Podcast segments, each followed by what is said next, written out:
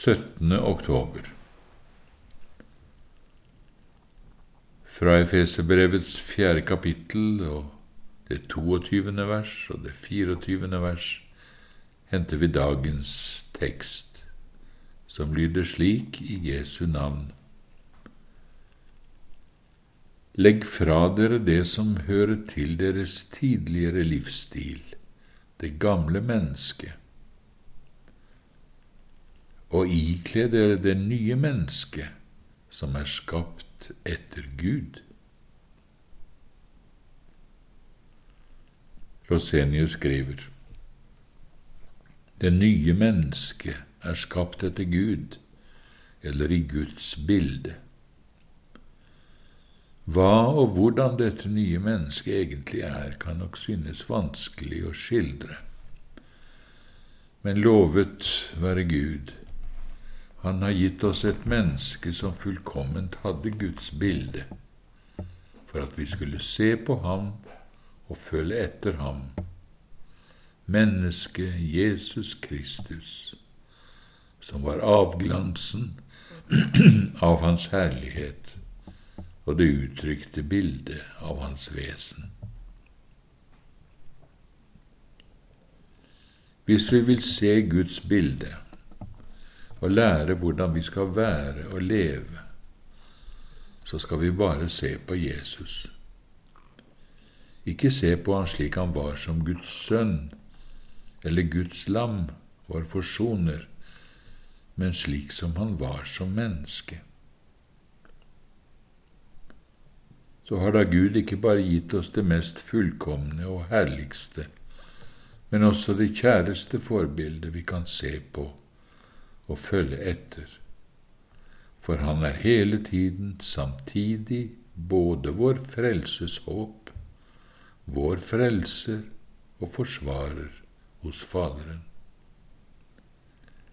Det gamle mennesket, derimot, som vi skulle legge fra oss, som skal korsfestes og dødes, er all den elendighet Adams fall førte over oss først og fremst vårt kjødelige sinnelag, som er fiendskap mot Gud, den dype egenkjærligheten, vår egen sterke vilje, vår selvopptatthet, som gjør at vi i alle ting først og fremst er mest opptatt med, mener og tenker bare omkring meg og mitt.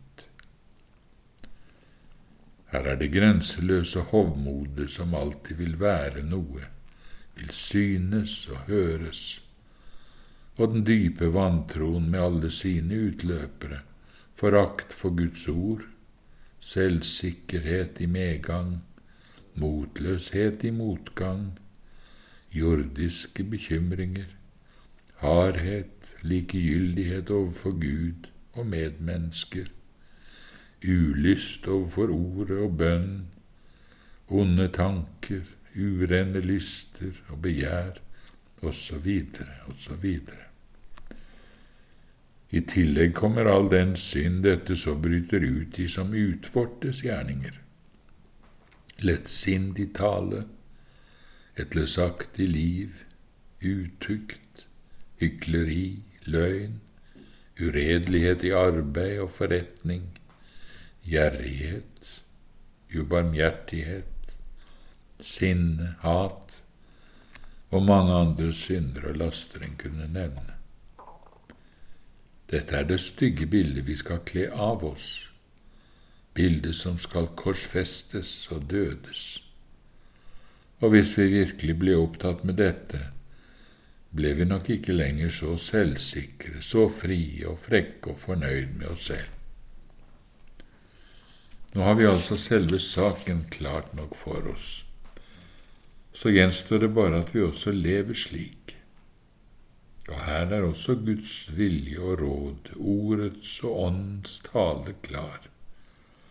Budskapet til Guds barn er dette. Nå er du blitt fri fra alle dine synder.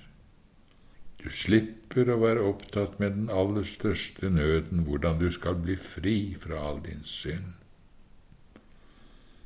Men ta nå i glede og takknemlighet denne lettere nøden innover hjertet ditt.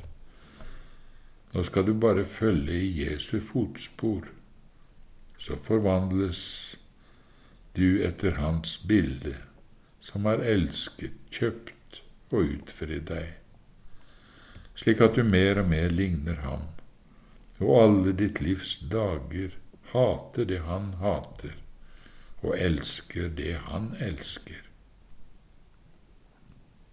Når du nå er fri fra dine synder og slipper å ha noen nød over dem, du er blitt Guds barn, Kristi bror, vær da som han var, og lev ditt liv slik som han levde. Han levde i det mest inderlige samfunn med sin far. Han var full av kjærlighet til både Gud og mennesker. Det var hans liv og mat å gjøre Faderens vilje, osv. Slik skal også du ha det mest inderlige samfunn med Faderen, stadig og varmt være sammen med Ham. La det også få være din mat og ditt liv og få gjøre Hans vilje få tjene din neste og døde ditt kjød. Du er jo Den hellige ånds tempel, så den samme ånden bor i deg som i din frelser. Og driv ikke bort denne himmelske duen. Gjør ikke Den hellige ånds sorg med lettsindige ord eller andre synder, og vær ikke ulydig når han taler til deg. Du skal ikke ødelegge eller gjøre Guds tempel urent med kjødets lyster og kjødets gjerninger. Tål heller alt mulig framfor å gjøre noe som er imot din Guds vilje. Kristus bekjente sannheten, også da det kostet ham livet. Bekjenn da også du Kristus, selv om det koster deg menneskers aktelse ditt navn og rykte, ja, liv og eiendom. Kristus var tilfreds i enhver situasjon, fordi slik var det hans fars vilje. Vær da også du tilfreds i din hverdag, så din utilfredshet dør bort i Guds velbehag.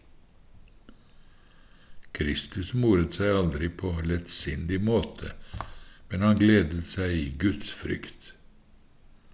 La da også det samme kjennetegne ditt liv, du som er Guds barn og Kristi bror. Men hvem er i stand til å leve slik, sier du bare, bare jeg kunne klare alt dette. Hør, det har aldri vært meningen at du skulle klare å gjøre alt dette selv eller at du straks skulle bli fullkommen. Men meningen er at du skulle gå inn for å leve slik, og når du så virkelig går inn for det, da grundig få lære at det ikke er mulig for deg å leve slik, og at du da tvinges til å sukke og rope til Herren, så Han, og på sin måte, utfører helliggjørelsens verk i deg. For helliggjørelsen er ikke noe menneskes verk, det er Herrens. Men det verket utføres gjennom Guds kraft i Ordet, som driver og advarer og trøster oss. I oss selv er vi ikke dyktige til å tenke ut noe som om det kom fra oss selv. Det er Gud som virker i dere, både å ville og å virke. Merk, for at Hans gode vilje skal skje. Og det som nå ikke utrettes med ordet og gjennom påminnelse til det indre i mennesket, det gjør Herren med riset. I trengselens smelteovn der det er nødvendig. Tuktens ris lærer å gi akt på ordet.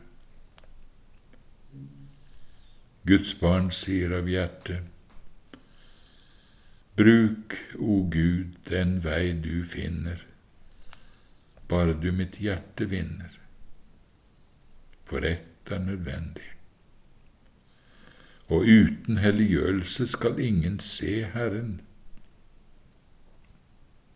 Men hold likevel først og fremst fast på dette.